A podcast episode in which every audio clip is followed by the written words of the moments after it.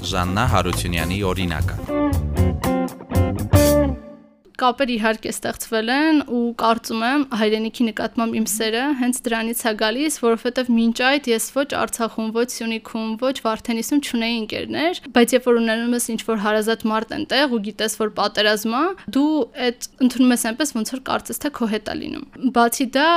շփումները, որոնք մենք ունենում ենք իրար հետ, գիտելիքի փոխանցումը միմյանց շատ կարևոր դեր է կատարում։ Ու նախագծերը, որոնք ստեղծվում են, օրինակ Media Advisor-ը, թիմում շատ անդամներ կան ու բոլորը տարբեր վայրերից են են Արցախից, Սյունիքից, նույնիսկ Ջավախից մասնակիցներ ունենք։ Մարզերի երեխաները մարզերում հասարակական կազմակերպության Արմավիրի մասնաճյուղի համակարգողն է 18-ամյա Ժաննա Հարությունյանը։ Սովորել է Գեղակերտի Արմատ ինժեներական լաբորատորիայում։ Այժմ ինքն է դասավանդում Վաղարշապատի երկրորդ դպրոցի Արմատում։ Պատմում է, երբ 1 տարի առաջ որպես կամավոր միացավ նախաձեռնությանն այդ ժամանակ չէր պատկերացնում, թե ինչպես է փոխվելու իր կյանքն ու մտածելակերպը, որ սկսելու է ավելի շատ հետաքրքրվել համայնքի խնդիրներով ու դրանց լուծման համար ուղիներ հենց ինքն է փնտրելու։ Ժաննան իր արչև նպատակ դրեց Գեղակերտում երիտասարդական կենտրոն ստեղծել եւ մի քանի ամիս անց իրականացրեց։ Դպրոցս ավարտելուց հետո սկսեցի աշխատանքները, մի քանի անգամ համայնքապետան այցերից հետո ու մերժումներից հետո կարծես թևաթափվել էի, բայց հանդիպեցի հզոր միտք ԿԿ-ի համահիմնադիր Մհերին Մկրչյան, ում հետ զրույցից հետո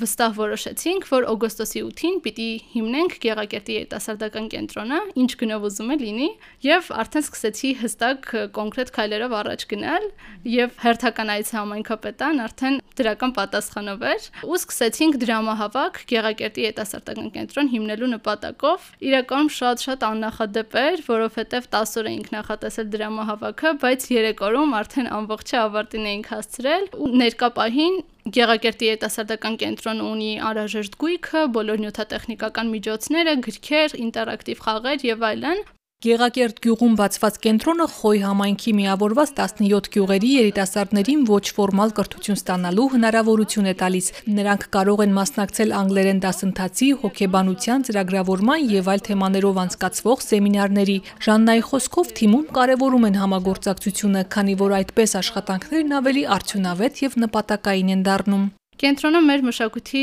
տանն է գործում, որը երկար տարիներ շահագործվելուց հետո վերջապես հենց իր նպատակին է ծառայում, սակայն հիմա զուգահեռ նաև վարչական կառույց է, քանի որ Գեղակերտն է Խոյ համայնքի խոշորացված կենտրոնը, եւ երբ որ բացեցին երիտասարդական կենտրոնը ու այդ ընթացքում երբ որ դրամավակ էինք իրականացնում, երիտասարդներից շատերը եկան ու ասցին՝ «Ժաննա, դու փոխել ես մեր կյանքը»։ Ու մեր օրերը լցվել են, այն ժամանակ ուղակի դասից գալիս էինք տուն ու դաս էինք անում կամ հեռախոսով էինք խաղում, իսկ հիմա գիտենք ոնց ժամանակը արդյունավետ ծախսել։ Խնդիրներից մեկը հենց այն էր, որ ուզում էինք լուծել, որ մոտ են գտնվում մայրաքաղաք Երևանին ու Էջմիածնին, ինչի պատճառով էր երիտասարդությունը ձգտում էր գնալ դուրս, դրսում աշխատել։ Իսկ հիմա արդեն տարբեր հմտությունների միջոցով, որոնք նրանք ստանում են կենտրոնում, իրենք արդեն ֆրիլանս են աշխատում։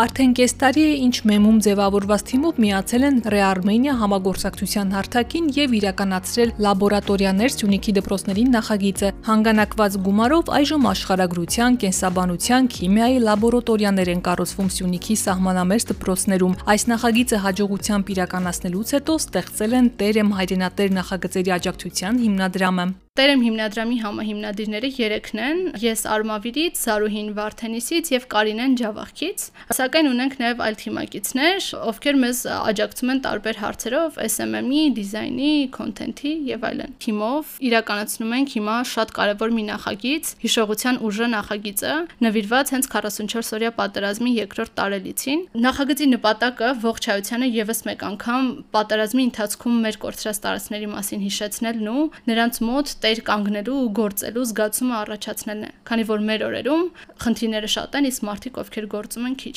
Նախագիծը նախատեսում է իրականացնել Ռեարմենիա հարթակում դրվելու է դրամահավաք, որի շրջանակներում հավաքվելու է անհրաժեշտ գումարը, որը պետք է ցուցահանդեսի իրականացման համար, սակայն դրանից զատ տպագրվելու են ալբոմներ եւ պաստառներ, 44 լուսանկարների տարածքներով, նրանց մասին տեղեկություններով, ինչպես նաև պոստերներ, որոնց հասույթից առաջացած գումարը ուղղվելու է առաջին ինքնաբավ համայնքի կառուցմանը Արցախի հաղորդի գյուղում։ Ինչ է իրենից ներկայացնում ինքնաբավ համայնքը կամ Արարավանը։ Արավանի նախատիպը իրենից ներկայացնում է տնտեսապես ինքնուրույն, ինքն իրեն կարիքները բավարարող համայնք, ինքնաբավ համայնք։ Արավանի բնակիչները պետք է ավելի շատ արժեք ստեղծեն, քան սպառեն եւ միմյանց հանդեպ ունենան բարձր պատասխանատվության զգացում։ Առաջին ինքնաբավ համայնքը կառուցելուց հետո եւ իրեն արդարացնելուց հետո նախատեսվում է մնացած համայնքները եւս այս մոդելի շուրջ կառուցել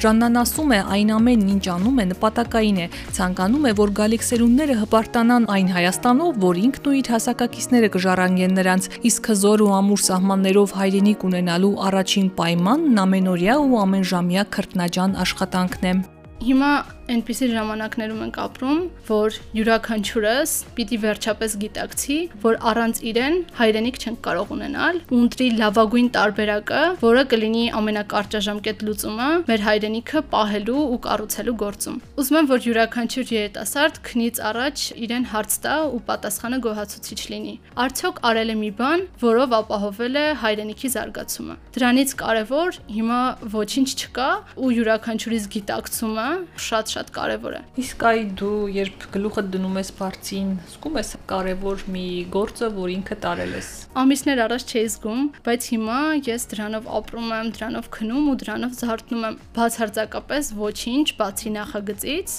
որը կարծում ենք, որ հենց այն է, ինչ պետք է հիմա երկրին, այլ բանով չենք զբաղվում։